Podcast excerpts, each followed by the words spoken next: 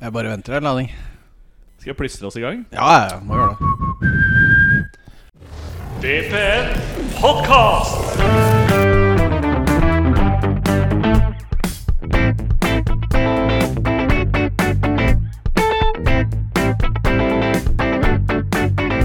Hei og velkommen til Vålerenga på nett sin podkast.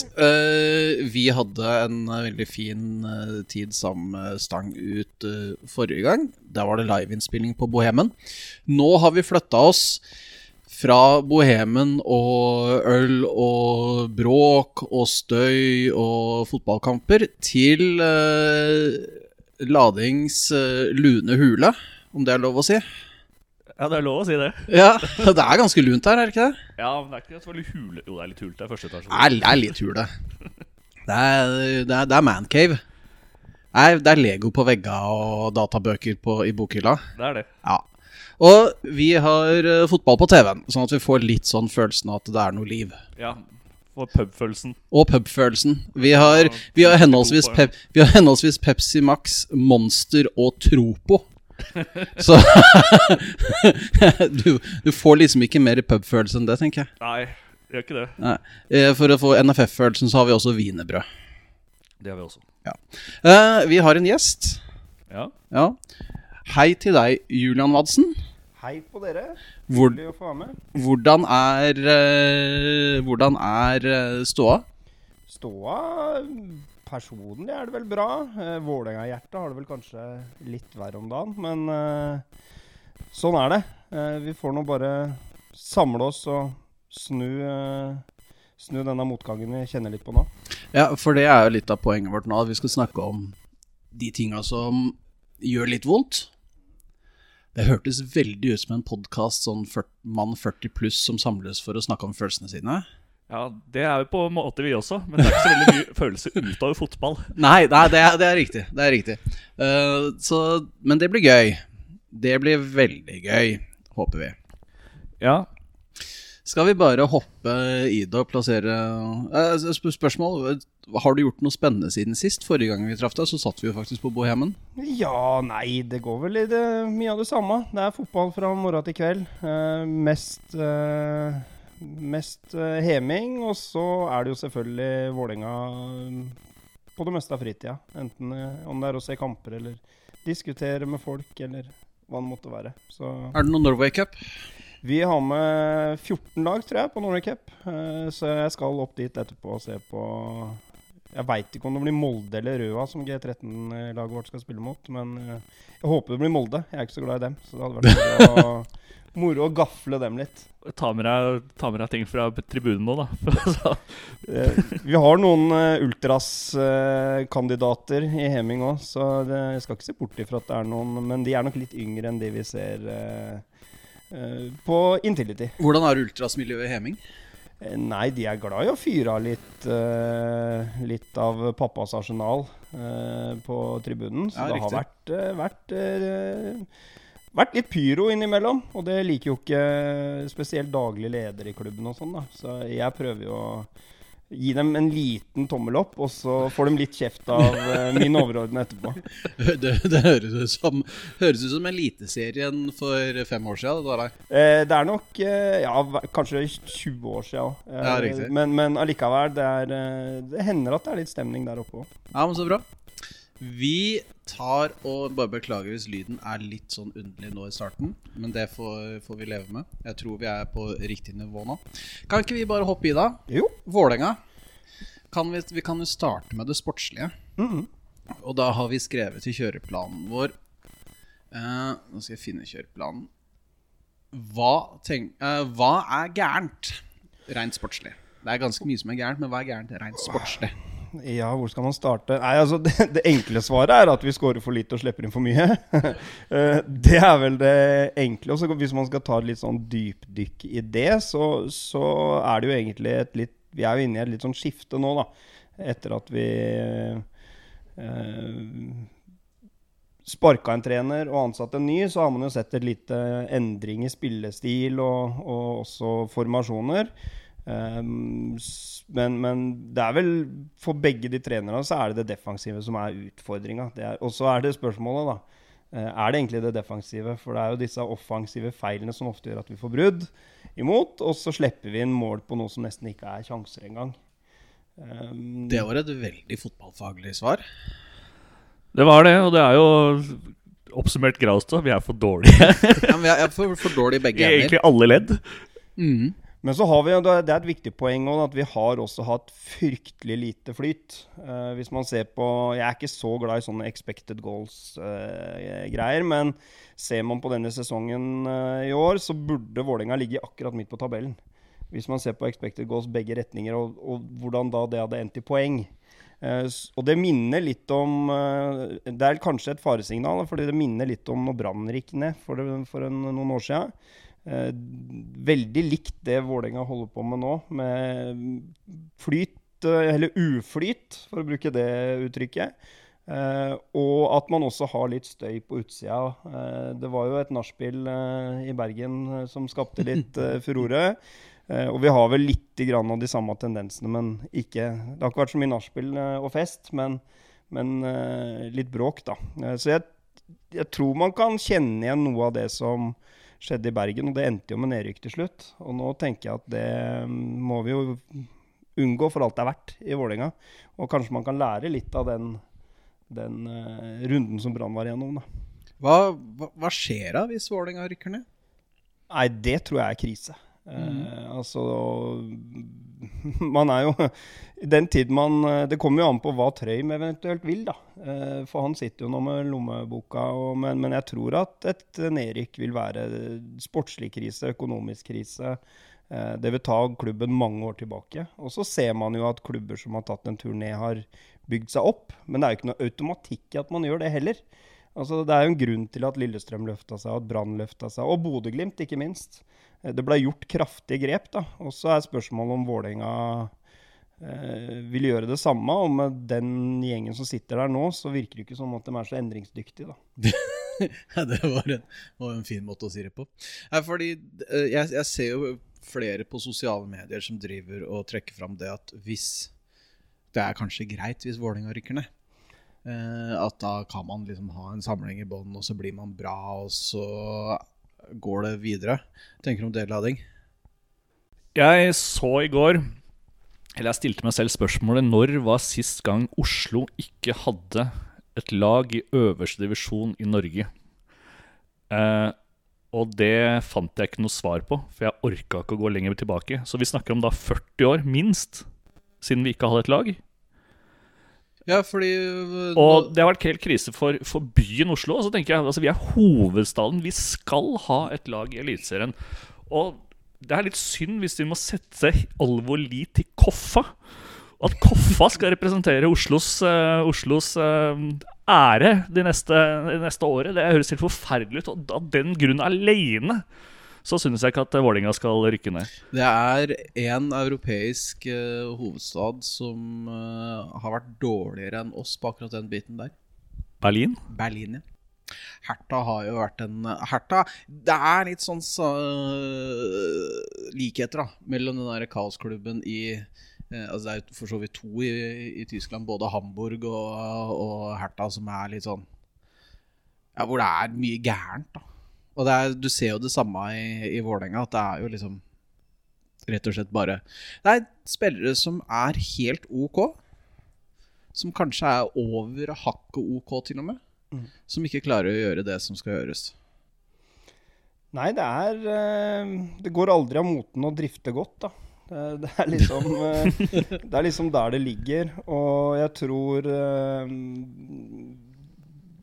Det vekka nok litt monstre i ganske mange Vålerenga-supportere når man valgte å fjerne Fagermo. Ikke fordi at Fagermo gjorde en fantastisk jobb, men fordi at man gjemmer seg litt bak at det var der problemet lå. Jeg tror veldig mange som øh, følger Vålerenga tett, da, de veit at det er ikke bare der det ligger. Vi skal komme tilbake igjen til det. Mm. eh, for det er, et, eh, det, det er en sånn vond og lang diskusjon som man må ta. Men eh, er det, ikke det, er det ikke litt typisk at når ting går dårlig på banen, så tenker man at ok, men da tar vi jo for oss ny trener, og så blir det en restart? Jo, det er blitt sånn i fotballen, da, i hvert fall. Eh, det er veldig få som tør å stå i det eh, når det går dårlig. Og så var jo jeg der personlig sjøl at, at eh, tidspunktet for en ny trener var nok riktig. selv om det ikke nødvendigvis er der skoen trykker totalt sett. Eh, du så, jeg syns du så en Fagermo som blei eh, mer og mer inneslutta og leita Mm. mer og mer etter eh, hvor, hvor er det skoen trykker sportslig. da. Så jeg tror at han, han var kommet dit at eh, dette får jeg rett og slett ikke til. Ja. Ehm, og så fikk man en liten opptur sportslig ikke sant? når eh, Nordnes kommer igjen, som for øvrig er en nydelig fyr. Jeg syns han får for lite kred. da. Ja, Vi hadde jo Nordnes på Vi snakka med Nordnes eh, da han ble ansatt. Det tror jeg er en av de mest joviale pratene vi har hatt. Ja, absolutt. Kjempejovial fyr. Ja, det er eh, Nei, så, så han tror jeg er Jeg har vel en tanke om at han kanskje fortsetter. Jeg håper det. Altså, det er jo sånne typer Han er flink, og så er han en jovial fyr, og så tror jeg han er uh, fin med gutta. Mm. Um, og er det noe man trenger når det går dårlig altså Du har jo en Gjermund Østby òg, som er uh, absolutt i samme kategori. Uh, jeg tror de gutta der er litt undervurdert nå som det går dårlig. da. Ja. De kan trykke på noen humørknapper som jeg tror kan utløse litt energi. Eh, så jeg tror både Nordnes og resten av teamet da, er, vel, er like viktige som Geir Bakke i den fasen vi er i nå. Det er den teamet som må dra dette sammen. Men vi har jo en del spillere, og det som alltid skjer når det går dårlig, er jo det at man roper på nye spillere. Eh, hva tenker du om det? Nå har vi jo fått inn eh, Mikael Kreutzrigler eh, fra Polen. Østerrike. Er det østerriker? Hvem er den siste østerrikeren vi hadde i klubben? Var det Pusic, kanskje? Er ikke han, var ikke han østerriker? Pusic? Han var østerriker. Ja, eller noe sånn kroat-østerriksk eh, Ja, jeg vet ikke om det kan ikke komme på noen Jo, Vi hadde en uh, for sånn ti år siden, hadde vi ikke det? Jeg husker ikke. Det er jo Eh, nei, jeg, jeg tror kanskje Posic er den uh, siste. Var kanskje noen østerrikere i den Rekdal-tida når det kom Det var noen sånne gamle venner fra Belgia og Ja, nei, det var ikke noen østerrikere da, tror jeg. Jeg husker bare at vi henta han der uh, fyren som uh, tråkka på ansiktet til han lynspilleren. Dinsi. Snøks. Snøks, ja. Ja. Karel Snøks. Det Han har Han har klart å Han har, han har tråkka seg inn i hjertet mitt. Ja, det er, det er det som er farlig når man roper etter nye spillere, for da kan det være en Karel Snøks som dukker opp. uh, og jeg vet ikke om det er det vi trenger akkurat nå. Men, men for å svare på, svare på spørsmålet ditt litt, altså, så syns jeg det er litt sånn skummel uh, greie. For man ser jo også Geir Bakke og man ser Joakim Jønsson, og man ser sportslig ledelse i klubben da, går ut og sier at ja, nå trenger vi nye spillere. Eh, og det kan man jo være enig i, eh, men man sender jo også et signal til den gjengen som sitter der, at de er ikke gode nok. Eh, og uansett om nå Vålerenga signerer én, to, tre Ja, har vel signert to, da, eh, i det vinduet fram til nå. Kanskje kommer inn noen til. kanskje forlater noen. Det går vel rykter om at Jatta kanskje får noen muligheter utenlands. Eh, og du sender et signal til de som er der, at ikke de er gode nok. Og er det én ting vi veit, at uansett om de henter tre eller fire, da, så sitter det i hvert fall seks, sju av de som er der, som er helt avgjørende for at vi skal holde plassen i år. Så det er en litt sånn skummel uh, greie. Uh, det er jo ingen tvil om at man trenger hjelp i den situasjonen man er i, og at, at eh, det å forsterke stallen er et av grepene man må gjøre. Men det er litt den eh, kommunikasjonen da, som jeg tror eh, man bør være nøye på i den situasjonen man er i nå. Hva med hvis spillerne går inn i helt nye roller i spillet? Da vil jo vil den samme følelsen være der at nå ble jeg Eller vil du innrømme at det er greit han tar en rolle som vi ikke hadde her, som ikke var god nok for Jeg beholder fortsatt løp, rollen min som løper, f.eks., når vi henter Hagen. Ja. Nei, jeg tror Det er jo et uh, godt poeng. Uh, man ser jo eh, forandringer eh, fra Fagermo til, uh, til eh, Bakke. Eh, man ligger vel Altså, disse tallkombinasjonene er ikke jeg så fryktelig opptatt av, egentlig. Det er et utgangspunkt og, og sånne ting. Men man ser f.eks. Juklerød i en litt mer offensiv wingback-rolle nå, som, som jeg tror kommer til å kle han godt. Eh, Eh, og det vil nok eh, gjøre at han eh, har større, større muligheter til å lykkes enn en, en litt lavtliggende backerrolle som man kanskje ikke er så sterk i. Så, så, noen vil nok kanskje få et nytt liv i form av en ny rolle. Jeg håper jo, Det går vel rykter om at det kanskje er to på topp i Drammen til lørdag. To på topp? Mm. Eh, Børven og Jatta, er ikke de sånn det ryktes vel at kanskje Håkans er klar, hvis jeg ikke har helt gærne kilder. Um, jeg har også lest det på Twitter, og det er selvfølgelig roten til all sannhet. Ja. Står det på internett, så er det sant. Yes. Riktig. Uh, Håkans på topp sammen med Jatta? Det kunne vært spennende. Ja. Um, jeg syns jo Jatta lider litt under at han blir fryktelig aleine, og ja. det er store avstander. Eh, så at han får eh, noen i nærheten av seg, tror jeg kan være en god idé. Ehm, og på lørdag har jeg faktisk trua på seier. Og det er en stund siden sist jeg har hatt. Så, så eh, jeg kommer til å være i Drammen og reiser dit med troa på tre poeng. Og det, mm, det er deilig. Det er ikke det, Man blir jo skuffa enten man har troa på seier eller ikke. Så det er bedre å bli skuffa og, og ha trua tenker jeg. Ja, Men det er så jævlig langt, det fallet. Den der uh, følelsen nå, nå, så bygger man det opp, og så har man liksom trua til inngangen av kampen. Og så kanskje man ser noe positivitet, og så hauser man det opp, og så treffer man en mann topp, og så pff, rett ned. Mm. Jeg så jo tendenser i uh, Sandefjord-kampen også, selv om den gikk ræv. Så var det jo, var jo en stund der som vi måka på framover. Og traff stolper og tverrleggere og rett utafor. Det var liksom ikke helt gæren. Noen centimeter til venstre et par steder der, så hadde det gått inn. Jeg tror man kunne ha spilt den kampen mot Sandefjord 100 ganger. da. Jeg tror man hadde vunnet 92 av dem. Ja? Eh, altså Når man ser på sjansestatistikker og, og alt, så, så, det er ikke Det er klart, kampen Det gjør jo fryktelig vondt når den ender som man gjør, men hvis man bare skal ha de faglige brillene på, da, og det er vanskelig for en jevne supporter. Eh, spesielt på jubileumsdagen og, og, alt som fulgte med. Så, eh, men sånn rent fotballmessig så syns jeg Vålerenga gjør en, en, av de bedre hjemmekampene på en stund, i hvert fall. Eh, man må en god, god, stund tilbake. Det er klart Man har ikke vunnet siden 16. mai eller hva for noe i serien, så, så vi er jo ikke vi er, Og hva er det for noe? Sju av åtte tap, eller, eller sju tap på åtte kamper. Så, så, vi er jo ikke bortskjemte. Det kan vi jo i hvert fall uh, understreke. Men øh, hvis vi tar og returnerer til de spillere som har kommet inn, da. Mm. Så har det kommet to stykker nå. Martin Kreutzrigler, som er øh, stopper. Mm. Uh, og uh, Elias Hagen, Groruddøl, som ser ut som han heller vil uh, sitte og spille dataspill og spille rollespill enn han har lyst til å spille fotball. Jeg elsker pressebildene til, til Hagen. De er fantastiske. Han, han, ser ikke ut som en fotballspiller. Han ser ut som en skikkelig jovial fyr som tuller litt i klasserommet.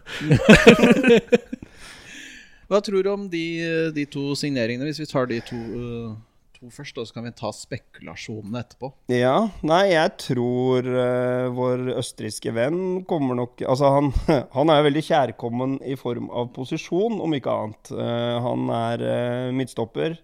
venstrebeint og sådan. Uh, har jo en alder da, som jeg tror uh, vi trenger. Han er ikke 18 år og uh, viril. Han, han, han, er mer, han, han er mer hva er han for noe, 8-29 år og har erfaring og spilt mange kamper på bra nivå. Og det tror jeg den gjengen der trenger. Um, jeg husker han så vidt det er fra når han var i Norge sist, men jeg har liksom ikke en sånn jeg gjorde ikke noe dypdykk i hans uh, ferdighetsbank. Så jeg kan liksom ikke uttale meg sånn bastant på hvor god han er. Men jeg tror, jeg tror at vi får nok ikke inn verdens beste fotballspiller, men vi får inn en solid en, og det tror jeg akkurat det Vålerenga trenger. Da. Ja. Elias Hagen, da?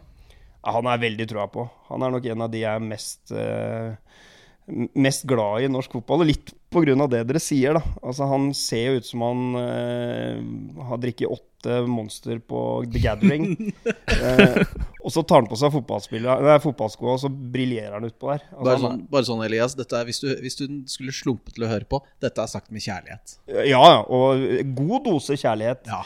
Uh, for når han tar på seg fotballskoa, så er det et eller annet uh, magisk som skjer. Altså, han er god med ballen, han jobber knallhardt. Han er, han er ikke svære fyren, men, men, han trøkker til med den kroppen han har. Uh, og jeg var veldig fan av han når han spilte i Grorud. var veldig på at Vålinga burde her burde man uh, følge med, tett med. Eh, og så havner han da i Bodø-Glimt, eh, og gjør det egentlig bra der også.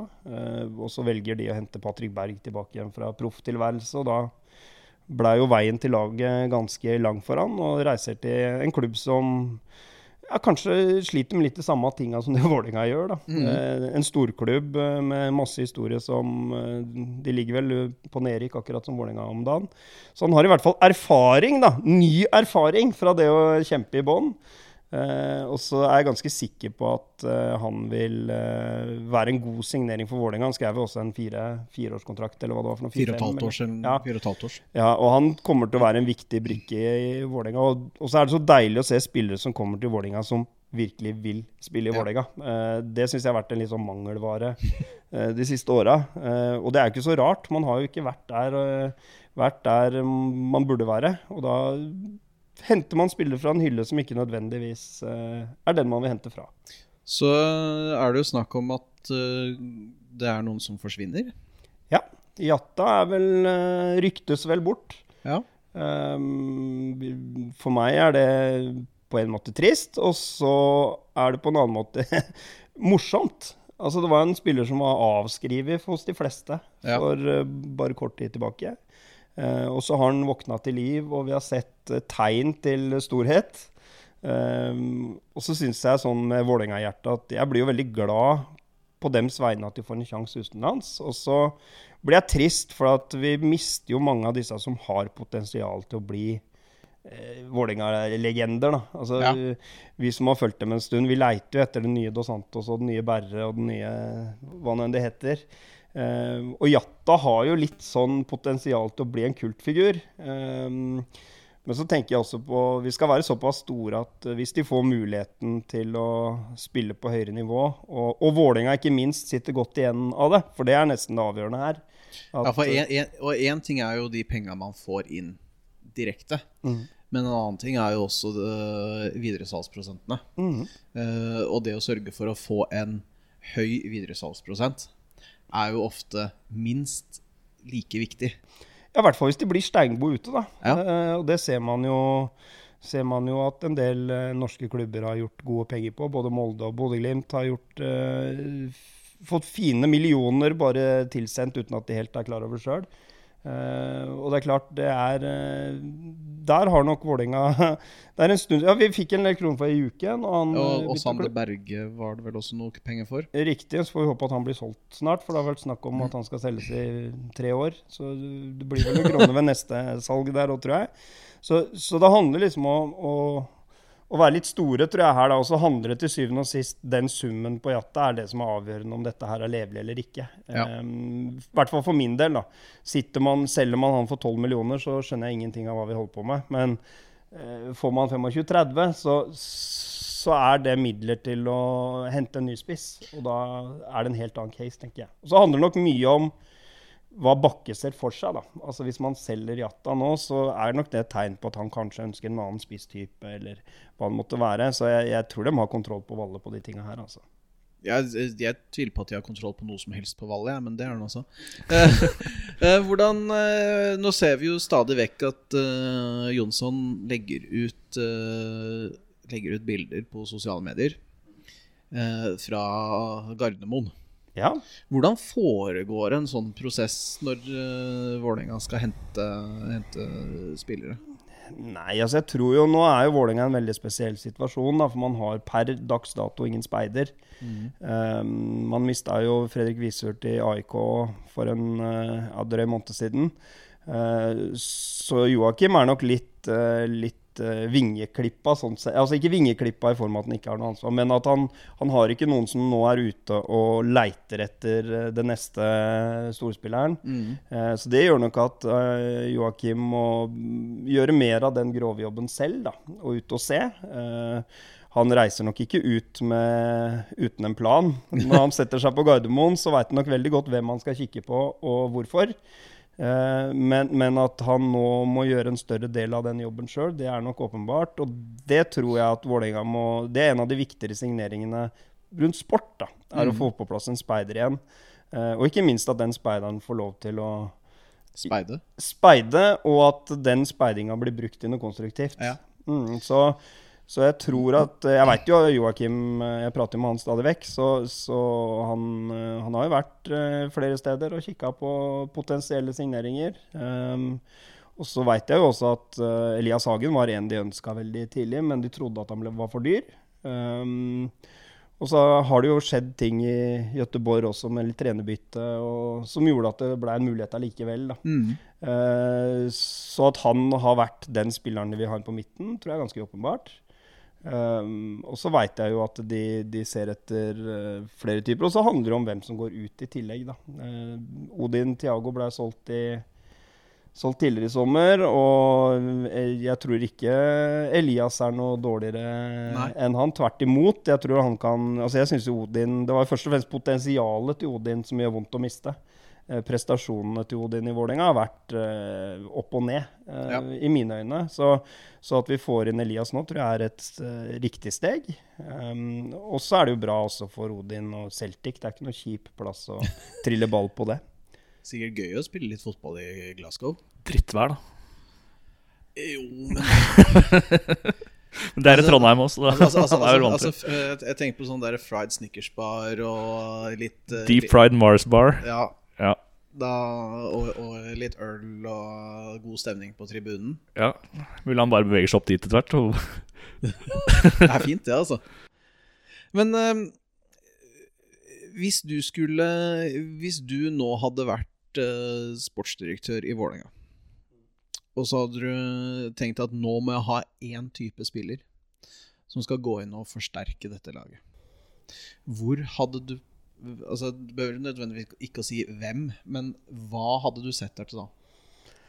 Nei, først og fremst uh, lederegenskaper. Mm. Uh, og så handler det nå litt om hvor god er han østerrikeren. da. Uh, jeg er fortsatt litt sånn Bør vi ha en en til bak? Litt for å ha bredde, og det kommer Vi veit jo at Strandberg har en akilles som, som, innimellom uh, krangler litt. Så, så, jeg er litt sånn om vi kanskje burde hatt en forsvarsspiller til. Men jeg tror akkurat nå så er det å finne den spissen som bare ruller den enkle kula i mål. Det er der mm. vi sliter. Hente en ny Kjartansson? Ja, om ikke Kjartansson, så i hvert fall en, en goalgetter. uh, og få en, få en som uh, virkelig kan rive og slite litt da, uh, på topp der. For du ser Jatta har mange av de egenskapene, men er fortsatt litt for fersk. da. og det trøkket som han får på seg til å liksom skulle avgjøre, det er vanskelig. så en, en, en rutinert spiss med en bra track record, det tror jeg hadde vært å leite etter. Ja. Det tror jeg jeg ville gjort. Og så handler jo alt om hva, hvordan er den økonomiske situasjonen, da, for det veit man jo aldri helt i Vålerenga. uh, når det er uh, en i London som bestemmer om yay or nay til nye spillere. Altså, jeg, jeg, tenker, Han fyren i London han sitter jo på så usannsynlig mye cash.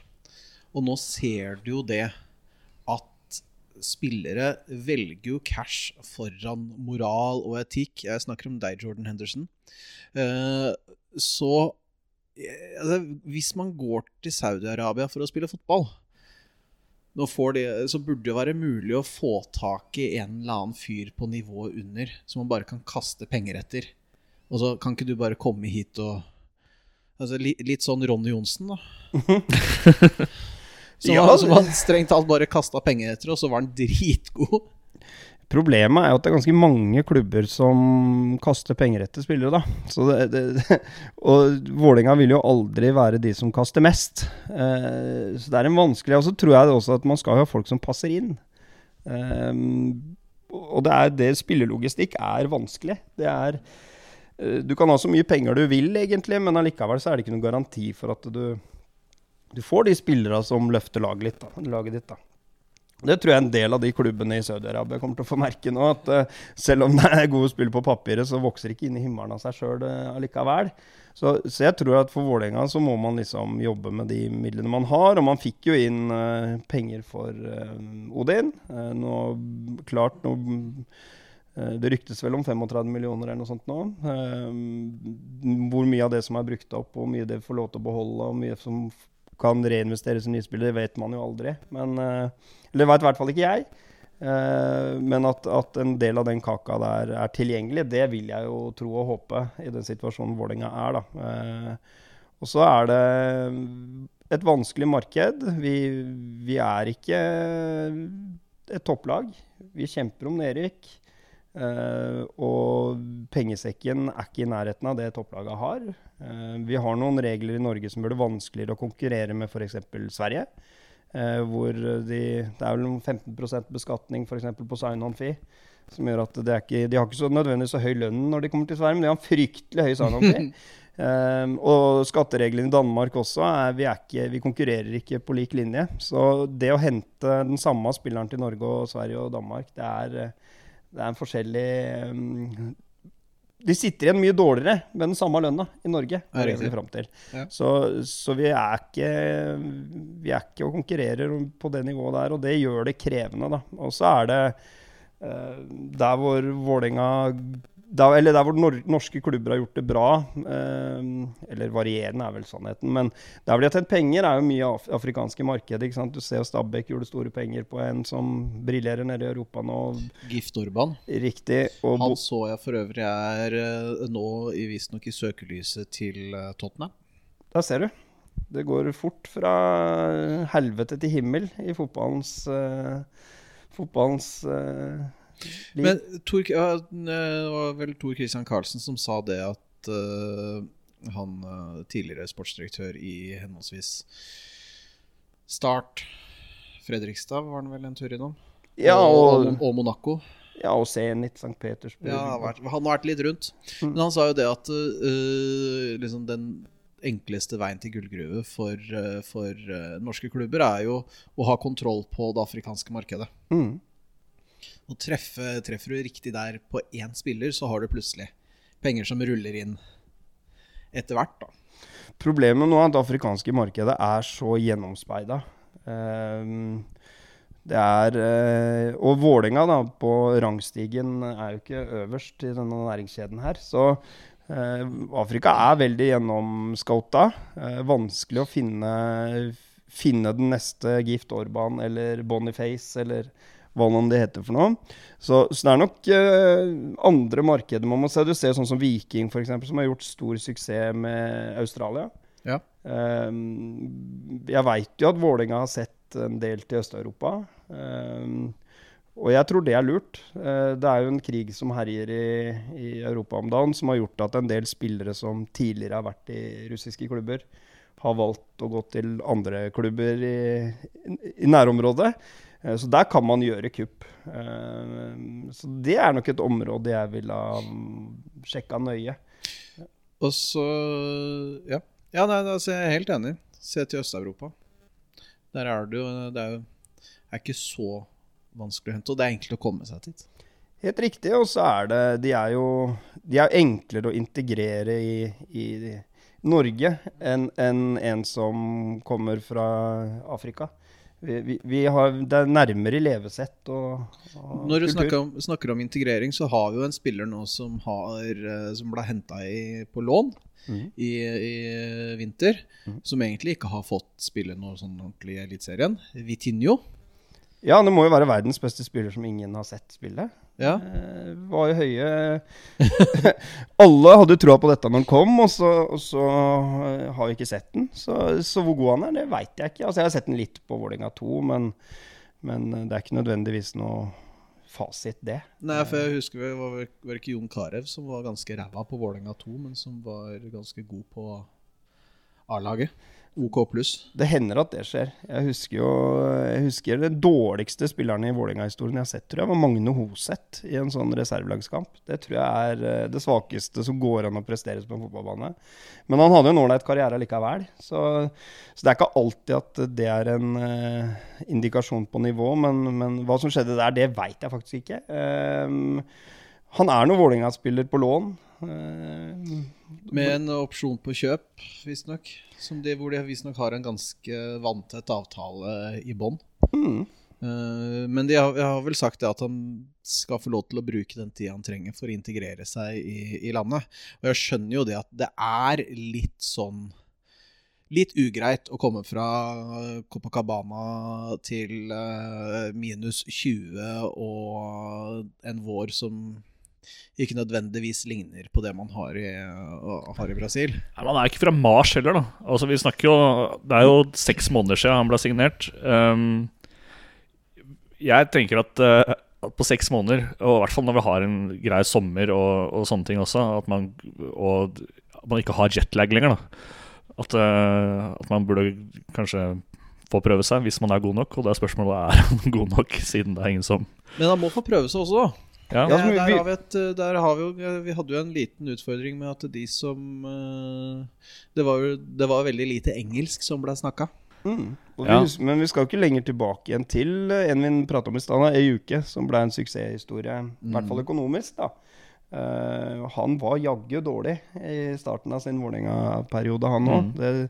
Det, var ingenting som tyda på at han skulle selges for store midler da, men, men han kom seg. Og jeg tror det viktigste er når man henter fra langt unna fra. Da. Det er så mye som skal stemme for å prestere på fotballbanen. Og funker ikke utafor, så funker det sjelden på banen. Og for han som kommer fra Brasil, så trenger han sikkert litt tid. Eh, Men akkurat nå så er det ingenting som tyder på at den opsjonen blir eh, eh, brukt med det første. Men, men eh, det regner jeg med at de som ser den hver dag, eh, Jonsson har vel koll på det, håper jeg. det vil jeg tro. Eh, da har vi på en måte snakket om det, det hyggelige, det sportslige. Det er litt trist når det er det hyggelige. uh, men Kan jeg snakke litt om cupkampen? Hva syns dere? Jeg syns det gikk greit. Jeg. Ser fram til uh, semifinale. Det Mot uh, semifinale Er det finale? Det er semifinalen nå, er det ikke det? Om når er den her, da? September, ok? Tidlig september. En gang i september. Og det blir jo lett, det. Bodø-Glimt hjemme, det Ja. er jo Jeg skal faktisk til uh, på Glimt borte. Ja. det Jeg drakk ikke unødvendig til Bodø. Nei, nei, det var eh, Det var et innfall. Jeg har eh, Hittil i år så har jeg klart å komme meg på to bortekamper. Eller det blir, det blir min andre bortekamp hvis det ikke skjer noe plutselig før det. Eh, den forrige, det var mot uh, Stjørdalsblink. Så jeg velger liksom de kampene som er enklest å komme meg til. Det var ikke så ille til Stjørdal. Eh, vi gikk fra flyplassen og inn til, eh, inn til puben. Det var ålreit, det. Fin tur. Gå ved siden av motorveien. Ja, det er utrolig dårlig å gå fra Værnes til eh, inn til Stjørdal sentrum. Ja, men altså, altså, det er, det er, altså Terminalen ligger liksom på feil side. Ja, ja. De kunne ha liksom plassert terminalen ved siden av sentrum. Og så hadde det vært sånn Wow, dette er dritfett. Men nei da. Nei da. Vi skal ha den på andre sida. Åh, det er så dårlig planlagt. Det har vi gjort det samme på Sola, tror jeg. Ja, det er ganske ille. Um, men vi har uh, dette som uh, Ja, det, altså, jeg, jeg tipper at vi får uh, Det blir Kjelsås-Vålerenga i finalen. Det er helt nydelig. Oslo-oppgjør. Ja, den taper vi. Er det verdt det for å se Kjelsås prøve seg på Europaligaen, eller? Ja, da, da blir det bortetur. Da blir det bortetur, faktisk. Um, uh, men vi har eh, Det er jo noe som skjer i uh, Vålerenga støttestadig, men akkurat nå så er det vel med et ganske negativt uh, fortegn. Ja, nå er det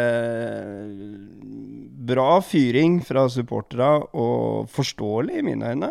Um, det er eh, Det har nok eh, gått en kule varmt for en del av de som følger klubben tett. Og så uh, syns jeg at man har ikke kommet godt ut av det sånn kommunikasjonsmessig fra klubbens side heller. Eh, Eh, at Meran gir seg. Alle forstår at det ligger noe mer bak. Han, jeg hørte en podkast her, 69. mann eller hva han heter for noe, hvor han snakka litt. Han snakker jo litt i koder og eh, ønsker jo ikke å greie ut om eh, årsakene, men det er helt åpenbart at det er konflikter innad i Vålerenga. Og det er i hvert fall en konflikt mellom daglig leder og, og en del supportergrupperinger. Det er vel ikke bare en del er- det er tilnærma alt som kan rusle og gå av supportere, som begynner å bli litt Jeg vil ikke si vil ikke si for, dritforbanna, men det er, altså det er jo noen der også. Det er jo blitt hengt opp en del bannere som eh, krever eh, Erik Espeseth, som er daglig leder, sin avgang.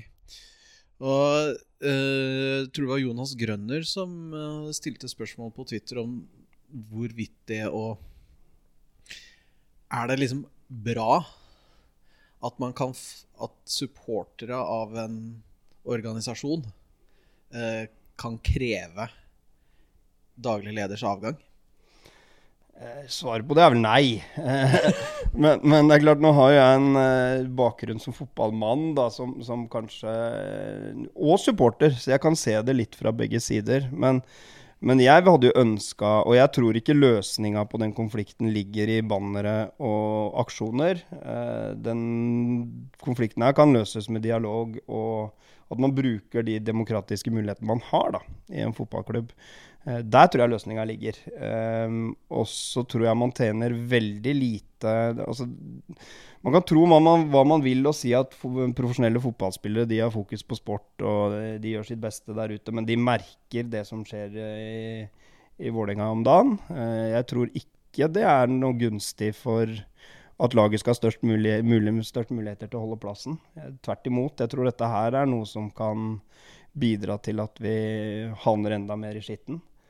Uh, og det er på ingen måte at jeg da ønsker å frikjenne SPZ på noe vis. Altså Det er mange ting å ta hand på. Uh, men, men, måten det skjer på, kan, er ikke nødvendigvis uh, så produktiv, tror jeg, da.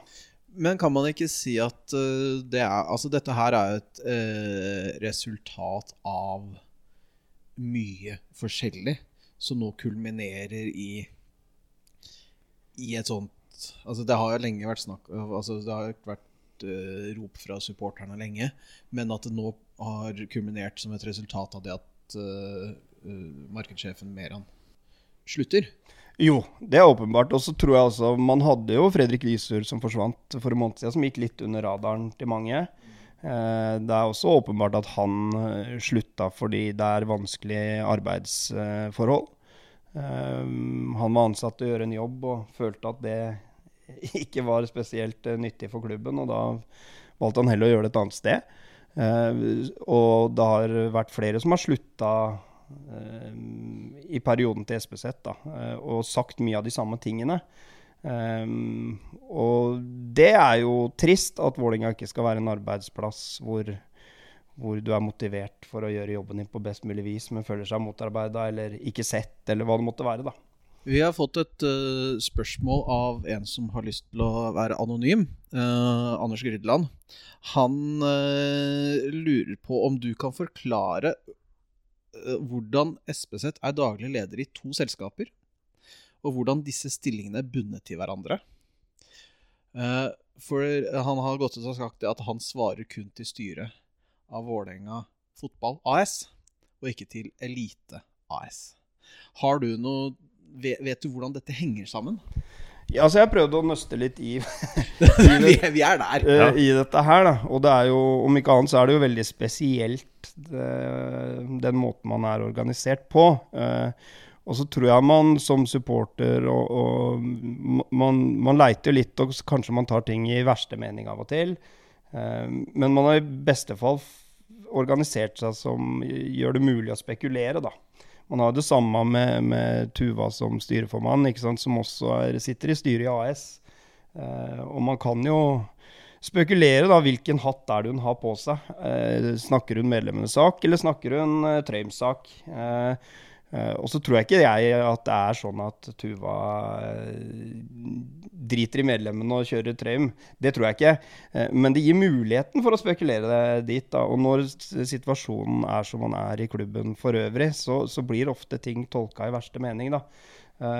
og for å svare på spørsmålet med, med hvordan ting henger sammen der, så må jeg bare si at jeg tror aldri den samarbeidsavtalen som ble inngått i 2018 hadde blitt inngått i dag. Eh, med de eh, altså Vålerenga har også forandra seg siden 2018. Eh, det er mer trøkk i medlemsmassen, og den har vokst.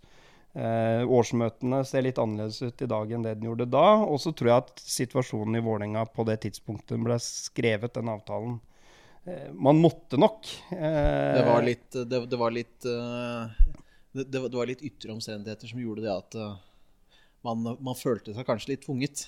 Ja, man hadde dårlig kort på hånda da, eh, i den forhandlinga. Eh, og så tror jeg at altså bare det at man sitter på en avtale som man ikke har mulighet til å komme seg ut av, eh, veldig spesielt.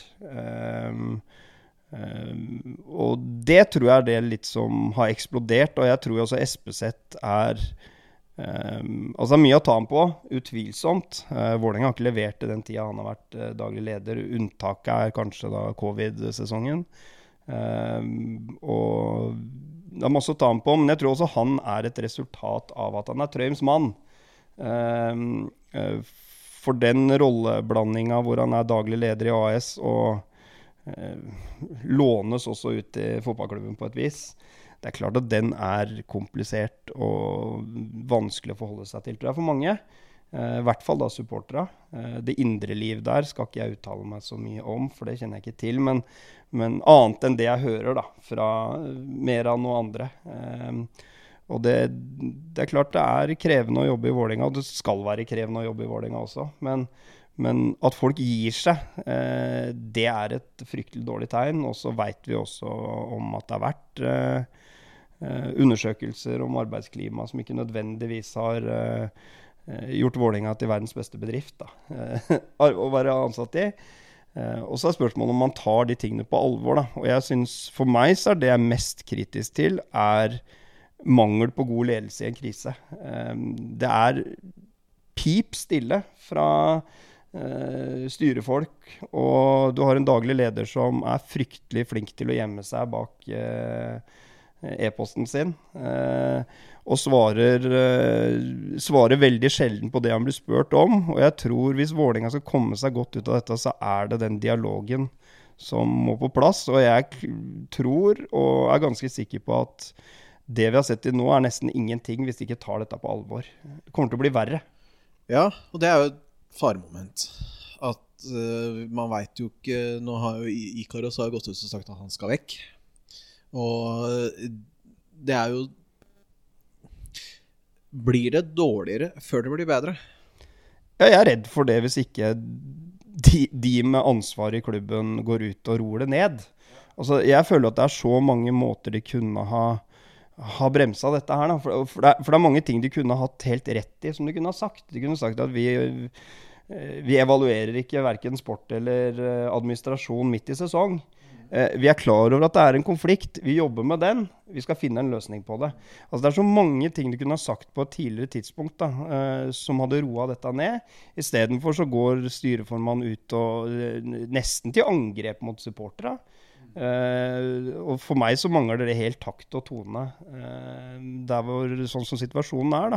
Uh, og nå er tidspunktet hvor de må gå ut. Jeg hørte rykter om et møte med hvor Tuva og, og SPZ skal ha med de grupperingene. Men det burde ha vært der for to måneder siden. alle har visst om at konflikten innad og at det har vært en maktkamp, det veit alle om. Og så behandler de nesten supportergruppering som de ikke veit noen ting. Og det tror jeg er den verste inngangen de kan ha. Eh, nå må de på banen, og nå må de snakke fra levra og fortelle sannheten. Og fortelle at sånn er det. Ja, det er en konflikt. Vi jobber med den. Og så må de faktisk jobbe med den. de må løse den, for dette her kommer til å sende Vålerenga en divisjon ned, tror jeg. Hvis man ikke klarer å løse det ganske fort. Det er jo det som er frykta. Så tenker jeg litt det Én ting er hvis man fjerner, eh, fjerner daglig leder. Men da må man jo ha en prosess hvor man må hente inn en ny en. Og da er man plutselig Uansett, da, så er, er, har man plutselig en daglig leder som er på oppsigelse. Og hvem er det som har lyst til å ta over, begynne å lede? Må man ha en fotballperson? Nei, det tror jeg ikke man trenger. Eh, det å være daglig leder for meg i en fotballklubb eh, handler jo først og fremst om å eh, sette en kultur. Eh, Espeseth har jo helt rett. altså, han, han, ansatte jo Meran i sin tid, og det var en kjempesignering. Eh, så noe riktig gjorde han jo i den jobben sin. Eh, eh, og det er litt sånn Han er jo på toppen og har ansvaret og alt det der, men, men, men eh, Altså, jeg, jeg veit ikke helt uh, hvilken person Vålerenga skal gå etter. og jeg, Meran er vel et, uh, noen som mange har ropt på som et alternativ som som daglig leder. Og om det er han som er den beste mannen, så gjerne for meg. Eh, men jeg tror det viktigste er at man finner en som, som klarer å sette den kulturen vi mangler. Da. Og den går ikke bare på sport, den går også på administrasjonen. Altså, det må være et hyggelig sted å jobbe, det må være et sted som motiverer. For det er jo flinke folk i alle roller i Vålerenga. Vålerenga er en attraktiv klubb å jobbe i. Eller i hvert fall vært det. Eh, og jeg er helt sikker på at den også kommer til å være det. Men da må man rydde opp i det rotet som er der nå, da. Eh, Men Vålerenga er jo en klubb som aldri, med unntatt av sånn små perioder på 80 og midten av 2000-tallet, har levert skikkelig. Hva skal til for å gjøre Vålerenga til en stabil toppklubb?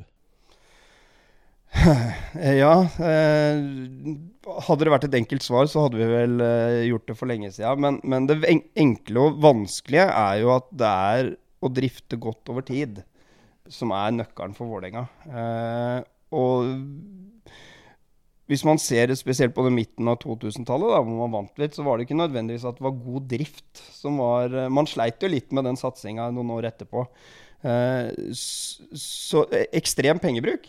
Så kommer Vålerenga til å bli gode. Men om det er godt for Vålerenga på sikt, lite sikker på det. Så, så jeg tror at veien for Vålerenga er å drive godt, eh, drive sunt. eh, og bygge stein for stein. Og jeg tror hvis man ser på den med, eller supportergruppa som Vålerenga har, da, er det én ting de er, så er det tålmodig.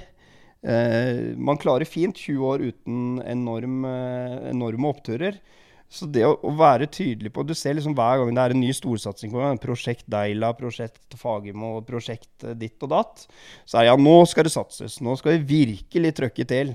Eh, prosjekt Martin var jo også morsomt, hvor du hadde 33 trenere på eh, sidelinja der. Altså, det er ikke det Vålerenga trenger, tror jeg. Vålerenga trenger at det jobbes godt og eh, sunt over tid.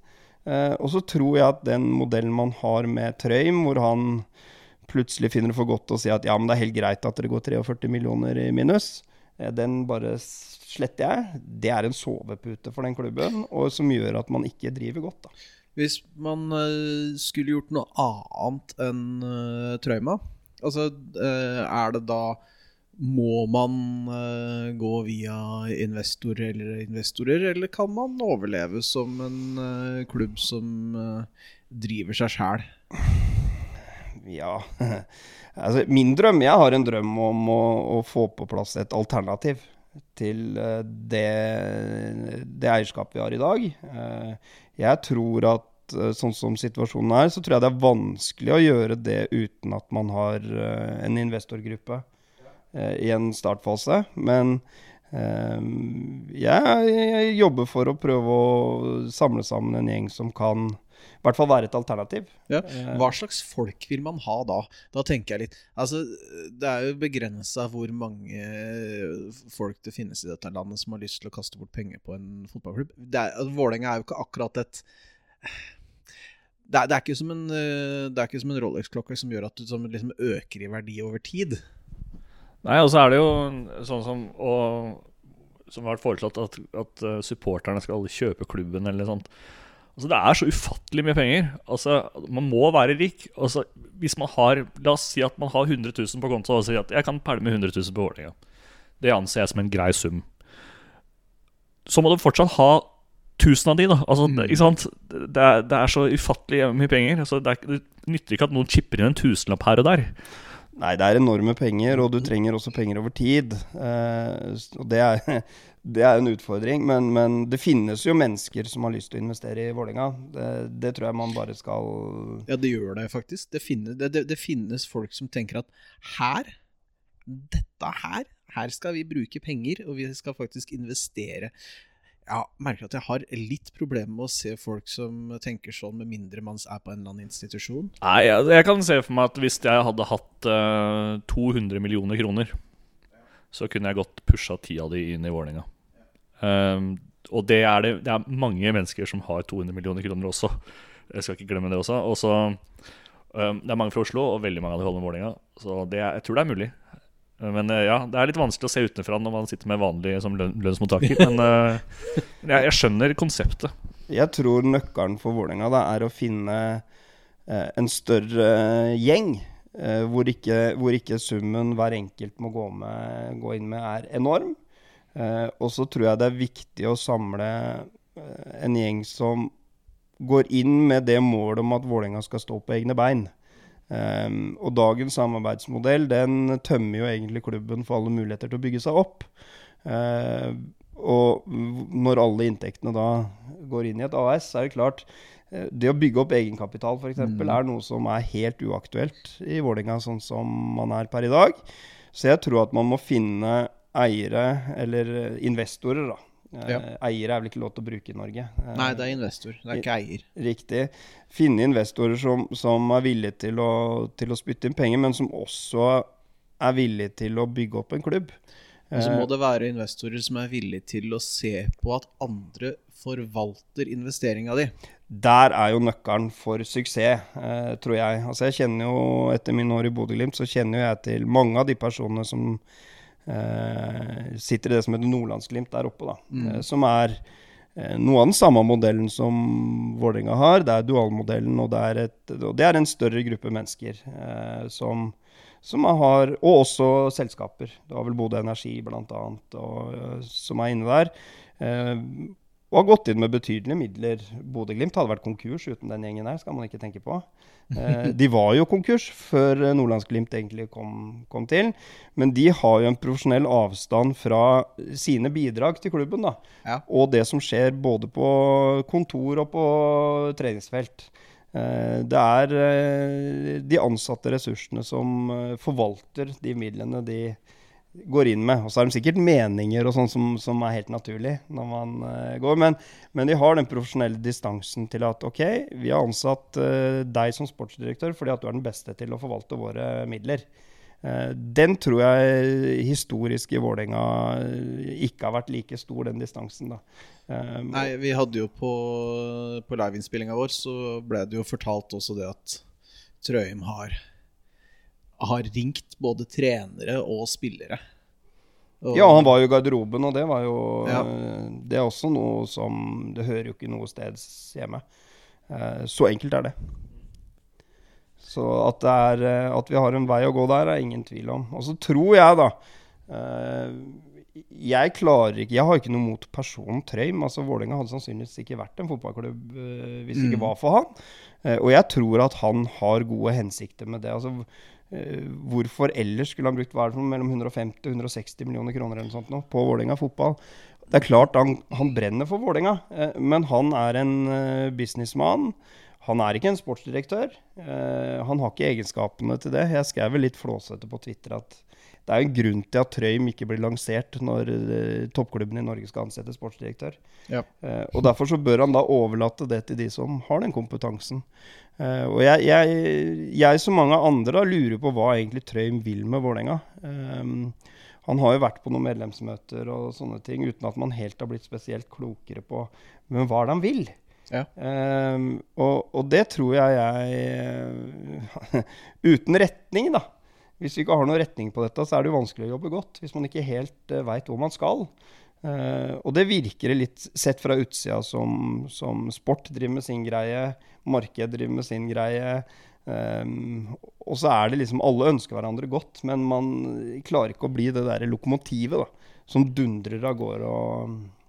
For, for, det er jo når du kommer på, kommer på Valle og går inn i stadionbygget, mm. så har du administrasjonen som sitter i femte etasje.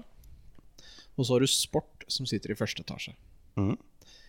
Jeg har ja, Noen ganger så har jeg stussa litt over det. Mest fordi jeg tenker at det er én organisasjon som er delt i to, og det virker ikke som de Altså, de snakker jo helt sikkert sammen. Sikkert litt klein stemning i, rundt lunsjbordet akkurat nå.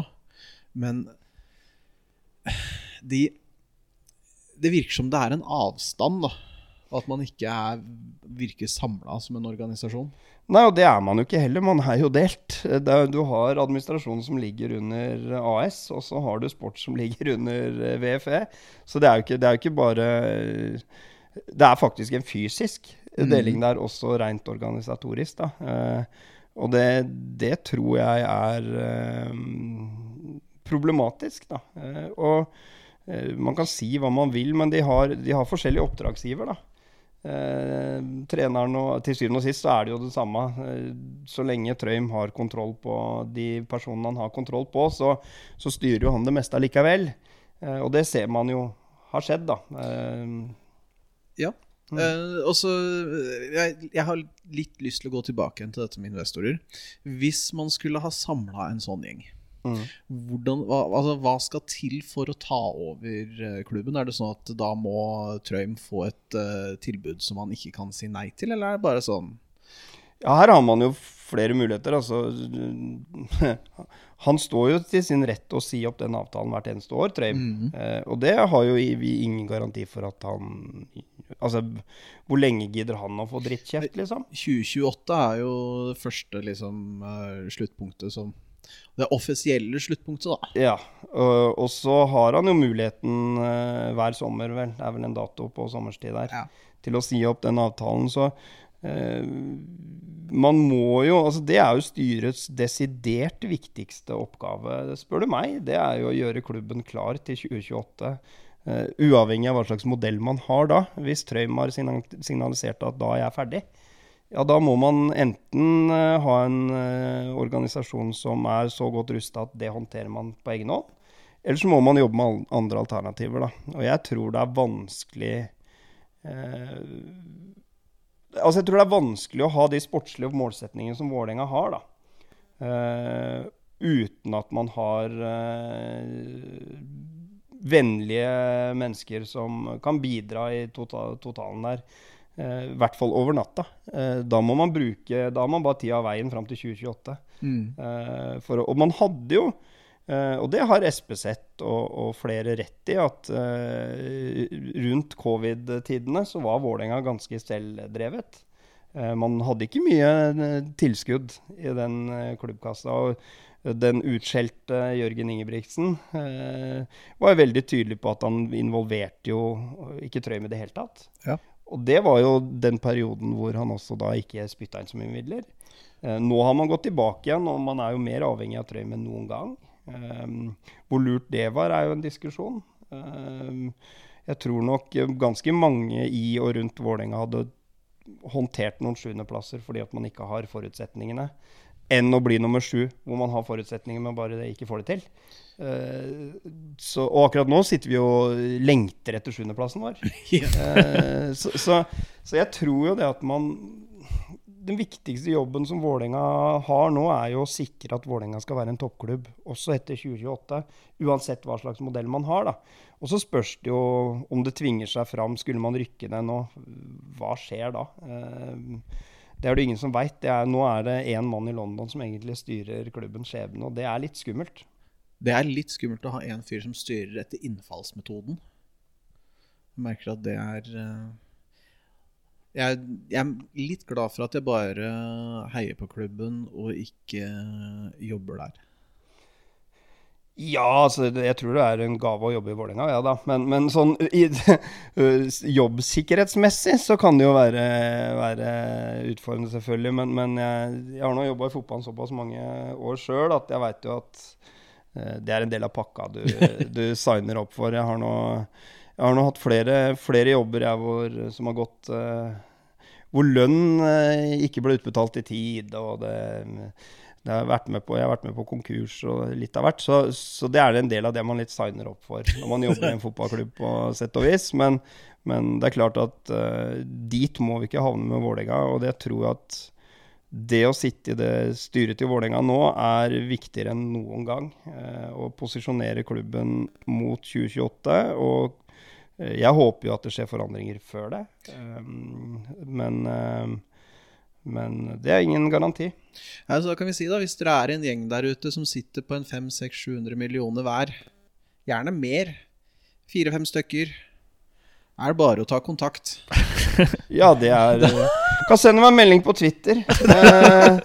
Eh, jeg, jeg lover å ta alle henvendelser på alvor. Eh, nei da, men, men, men at det er eh, folk der ute som ønsker å investere i Vålerenga, det fins. Det veit jeg. Så eh, det handler om å, å Og kanskje Trøim kan være en del av det også, for alt jeg veit.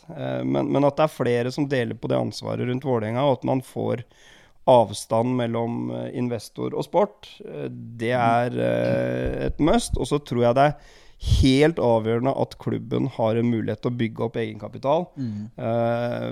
hvis ikke så står man der og er helt avhengig av en, enkeltinvestor eller en gruppe. Og det tror jeg Vålerenga Hvis Vålerenga skal bli den klubben vi ønsker at den skal være, så kan det ikke være sånn, rett og slett. Eh, jeg har fått eh, spørsmål for å returnere litt tilbake til sport. Mhm. Jeg har fått spørsmål om eh, når Vålerenga henter trener nå. Mhm. Hvordan går man eh, hvordan, Da de henta trener, hvordan går man fram for å hente ny hovedtrener? Nei, jeg tror nok eh, den runden som ble gjort nå, den, for den kjenner jeg litt grann til. Eh, så gjorde man nok en, eh, en førsterunde på egen hånd. eh, hvor man så ok, hvilke egenskaper er det Vålerenga trenger per i dag. Eh, man begynner der, før man begynner på hva nå enn denne treneren heter. Så jeg tror man var ganske tydelig på profil. da. Eh, hvordan ser den neste Vålerenga-treneren ut? Og da ikke fysisk, men, men, men med bakgrunn og kanskje også CV og, og, og, og sånne ting. Um, jeg tror nok Vålerenga var veldig ute etter en, en som kan skape litt ro. Eh, og skal du skape ro, så må du ofte ha litt i ryggsekken. Du må ha litt erfaring. Um, og, og ut fra den lista, den kravspekken man satt, da, så uh, konkretiserte man ok, hvem er det som passer innafor denne modellen. Og der var det vel en liste på sikkert Jeg veit ikke totalt sett, men, men at, at det kan være en 20 navn på en sånn liste, det tror jeg er ganske åpenbart. Eh, og og ut ifra den så begynner man jo å jobbe, da. Da er det jo å snakke med, snakke med disse. Hvor nærme tror du Svennis var å få jobb? Ja, han tror jeg var et stykke unna. Eh, han har ryggsekk, men, men, men eh, eh, jeg tror ikke det går fort nok i, i, i svingene der lenger til at han hadde overlevd uh, alt trøkket rundt daglig leder og sånn i Vålerenga. Det hadde ikke Svennis orka, tror jeg. Nei, det kan godt tenkes. Uh, er det noen altså hvor, hvor interessant er det å trene Vålerenga for uh, f.eks. Altså litt sånn Ikke nødvendigvis internasjonale storheter, men uh, for trenere fra utafor Norden? I Vålerenga er alltid aktuelle. Eh, og det, det Det ryktes jo at eh, en gammel Manchester United-stopper med serbisk bakgrunn eh, var interessert gjennom noen agenter, og jeg veit jo også at det var andre kjente trenernavn som meldte sin interesse. Og så er jo da spørsmålet Noen vil jo da sikkert eh, spør hvorfor ansetter dere ikke den personen. Eh, men, men idet man liksom har lagd en kravspekk, da, Ja. eh, så er det jo den man liksom jobber ut ifra. Og det kan jo være et godt trenernavn. Eh, det var jo mange som ropte på Rekdal også, eller om ikke mange, så i hvert fall en del. som, som ropte på Rekdal når han plutselig ble arbeidsledig. Men da handler det om idet man liksom har satt en kravspekk og en, en profil, da, så må man jo ansette etter den. Um, og Geir Bakke var nok førstevalget hele veien. Ja. Um, han har en link til klubben, han har levert i flere klubber etterpå. Um, og så gjorde det jo ikke noe heller at man uh, lagde fryktelig dårlig stemning oppe på togstasjonen her. Uh, her var det mange ting som stemte. Uh, og jeg tror jo at Geir Bakke um, Hvis han får forutsetninger til å lykkes, Ja. så er det en meget god signering. Og hvis uh, Vålerenga halter videre som man gjør, så kommer, uh, kommer dette til å bli nok et prosjekt som blir avslutta etter tre år, og man har ikke eh, blitt en dritt bedre. Så, og det er litt vi som er medlemmer i klubbens ansvar, tenker jeg nå, å, å, å kreve endring. Vi må gjøre det for laget og for det sportslige apparatet som jobber i klubben. Vi må vi må øh, få en retning på det vi holder på med. Eh, og at de får øh, økonomiske og forutsetninger til å lykkes med det de ønsker. Da. Eh, så jeg tror det er nå, nå er det medlemmenes tur til å, til å sette litt agendaen framover. Det er et ekstraordinært styremøte om ikke all, Nei, eh, medlemsmøte, vel. Årsmøte. Årsmøte? Eh, om ikke så lenge. Der skal det velges ny nestleder. Jeg tror det er helt avgjørende at man får inn noe med sportslig kompetanse inn der. Eh, det er jo helt merkelig at en fotballklubb eh, har et styre blotta for eh, kompetanse på kjernevirksomheten. Eh, det tror jeg blir helt avgjørende. Og så tror jeg at man må kreve svar og kreve endring. Vi kan ikke drive ræv. Eh, fordi da blir vi ikke det fotballaget vi skal være. Eh, og jeg tror det er flinke folk jeg, som jobber i administrasjon og som sitter i styreverv. Og, eh, og de trenger hjelp. Og det, vi har jo en enorm masse med supportere og medlemmer som, eh, som har mye sunne meninger og, og ønsker Vålerenga alt godt. Så jeg, jeg håper jo at all den eh, kranglinga og, og uroen vi ser nå, kan samle klubben da, og gjøre Vålerenga til det monsteret som vi burde være. Eh, og jeg skal i hvert fall gjøre mitt allerede på lørdag for å bruke den stemmen jeg har for å heie fram gutta. Eh, og det er min, min litt sånn oppfordring til alle, da, at selv om ting er dritt, la oss nå i hvert fall støtte den gjengen. Vi, skal, må, vi må gjøre vårt, de skal ikke rykke ned pga. at de ikke har støtte, i hvert fall. Nei, riktig. Eh, et siste sånn før vi avslutter her. Du har fått 50 mil. Mm. Du er uh, sportslig eh, leder i Vålerenga. Du må hente en spiller. Eller to. 50 mil. Hvem henter du? Enkelt svar. Gyas har Joshua King. Ja. De to offensivt, det hadde vært uh, Gias uh, Men da, hvordan skulle du spilt da? Nei, det får Bakke ta seg av. Det, det, det der, der er litt som da så, Jeg er ganske sikker på at Bakke hadde hatt bruk for dem begge. Du finner alltid bruk til de gutta der. Ja, ja, nei, men altså, det hadde vært en frekk duo på topp, det. Det Ja. hadde vært, eh, hadde vært De hadde sikkert trivdes i hverandres selskap. To kule fyrer og um, Håkans på kanten, uh, Gias uh, bak uh, Bak uh, uh, Sånn mellomromsdude ja, der. Ja. Og så eh, tror jeg at vi Jeg gir ikke opp off keer, jeg, da. Jeg, det er et eller annet med den gutten. Jeg føler liksom at han er eh, han han, Lunta brenner nå, så jeg føler at det kommer til å eksplodere snart. Ja, altså, altså Jeg sitter også litt med den følelsen der. At det, er, det, det ligger liksom latent. Mm. Det er et eller annet som ligger der. Det er litt sånn en lite klast på rumpa, og så kommer hele ketsjup-effekten. Og da tror jeg det blir fryktelig artig, for han Ja. har jo egentlig alt som skal til for å være en eh, en uh, briljant spiller for Vålerenga. Så eh, han trenger i hvert fall flere, flere strenger å spille på offensivt. Det er det helt uh, tydelig. Um, og noen av de kanskje allerede er der, som i type off-gear. Klarer man å få ut potensialet hans, så kan det bli artig i høst.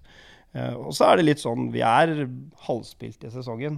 Eh, det er ikke umulig, og jeg tipper skal du holde plassen i år, så sånn som det ser ut, så kan det hende at 31 poeng er nok. Ja, for 30 poeng er vel regna som liksom magiske grensa. Ja. Og at den gjengen vi har, skal ta eh, 20 poeng, da. Det er ikke en umulighet. Så vi må liksom ikke gjøre situasjonen vanskeligere for oss sjøl enn han er. God defensiv organisering. Ja, og det veit jeg Bakke er både er god på Mm. Har jobba mye med. Og så er det jo litt den der Det er jo disse jævla balltapa vi har, da. Ja. Som, som ofte er problemet. Så, så det hjelper ikke bare å være godt organisert eh, defensivt. Vi må også være gode når vi har ball. Det å det eh, gjøre det mellomrommet litt mindre. Mm. Ikke se på ballen, men heller være aktive. Ja, altså ha folk på Altså, jeg syns både under uh, Fagermo og nå under Bakke at vi har altfor mange som står og ser på ballføreren. Ja. Eh, det er ofte et svakhetstegn i fotball. Du vil jo ha spillene dine på vei mot mål. Ja. Um, og det tror jeg er en ting som er det, er det, det vanskeligste i fotball er det å spille mot etablert forsvar. Det, det er mye enklere i fotball å ødelegge enn å skape. Ja. Um, og det krever ganske mye å bryte ned elleve mann som gjør alt for å hindre deg å komme i nærheten av målet ditt. Så, så det er en vanskelig greie. Det er ikke bare å knipse, og så sitter det. Men, men jeg tror jo det at er tydeligere tydelighet i hva du skal gjøre, da. Eh, og jeg ser jo forandringer, så forandringer allerede med Nordnes i hvordan man løste en del midtbanebevegelser, f.eks. Selv om man da hadde samme formasjon. Jeg ser mange er veldig opptatt av ja, det er bare 4-3-3, eller nå er det 3-4-3, eller Men til syvende og sist, det er et utgangspunkt. Det handler jo om hvor dynamisk er du, da. eh, I forkant av ballen. Og jeg syns man er på vei mot noe. Jeg ser flere bevegelser nå enn jeg har sett tidligere. Eh, jeg syns eh, Jeg tror nøkkelen litt ligger i disse indreløperne, eller Ja. Eh, spesielt da Spesielt da å få, få disse på tur, da. Ja. Og få de At forsvaret til motstanderen må forholde seg til dem oftere. Eh, men ikke så tidlig at de blir feilvendt igjen. Og nå blir det veldig nerdete, hører jeg Ja, men jeg har lyst på Jo, jo men jeg syns det, altså, det er interessant. Eh, jeg kunne jo godt tenkt meg å se Vitinho litt i en sånn Litt i en sånn rolle. Ja, Vi er jo på et tidspunkt nå vi har ingenting å tape. Da. Eh, det er litt sånn Nå, er det, nå står vi i møkka her. Ja. Eh, og, og, og kanskje kan man eh, la noen som ikke har fått så mye muligheter Man har jo gitt mange av de unge muligheten. Eh, og, og det er kult.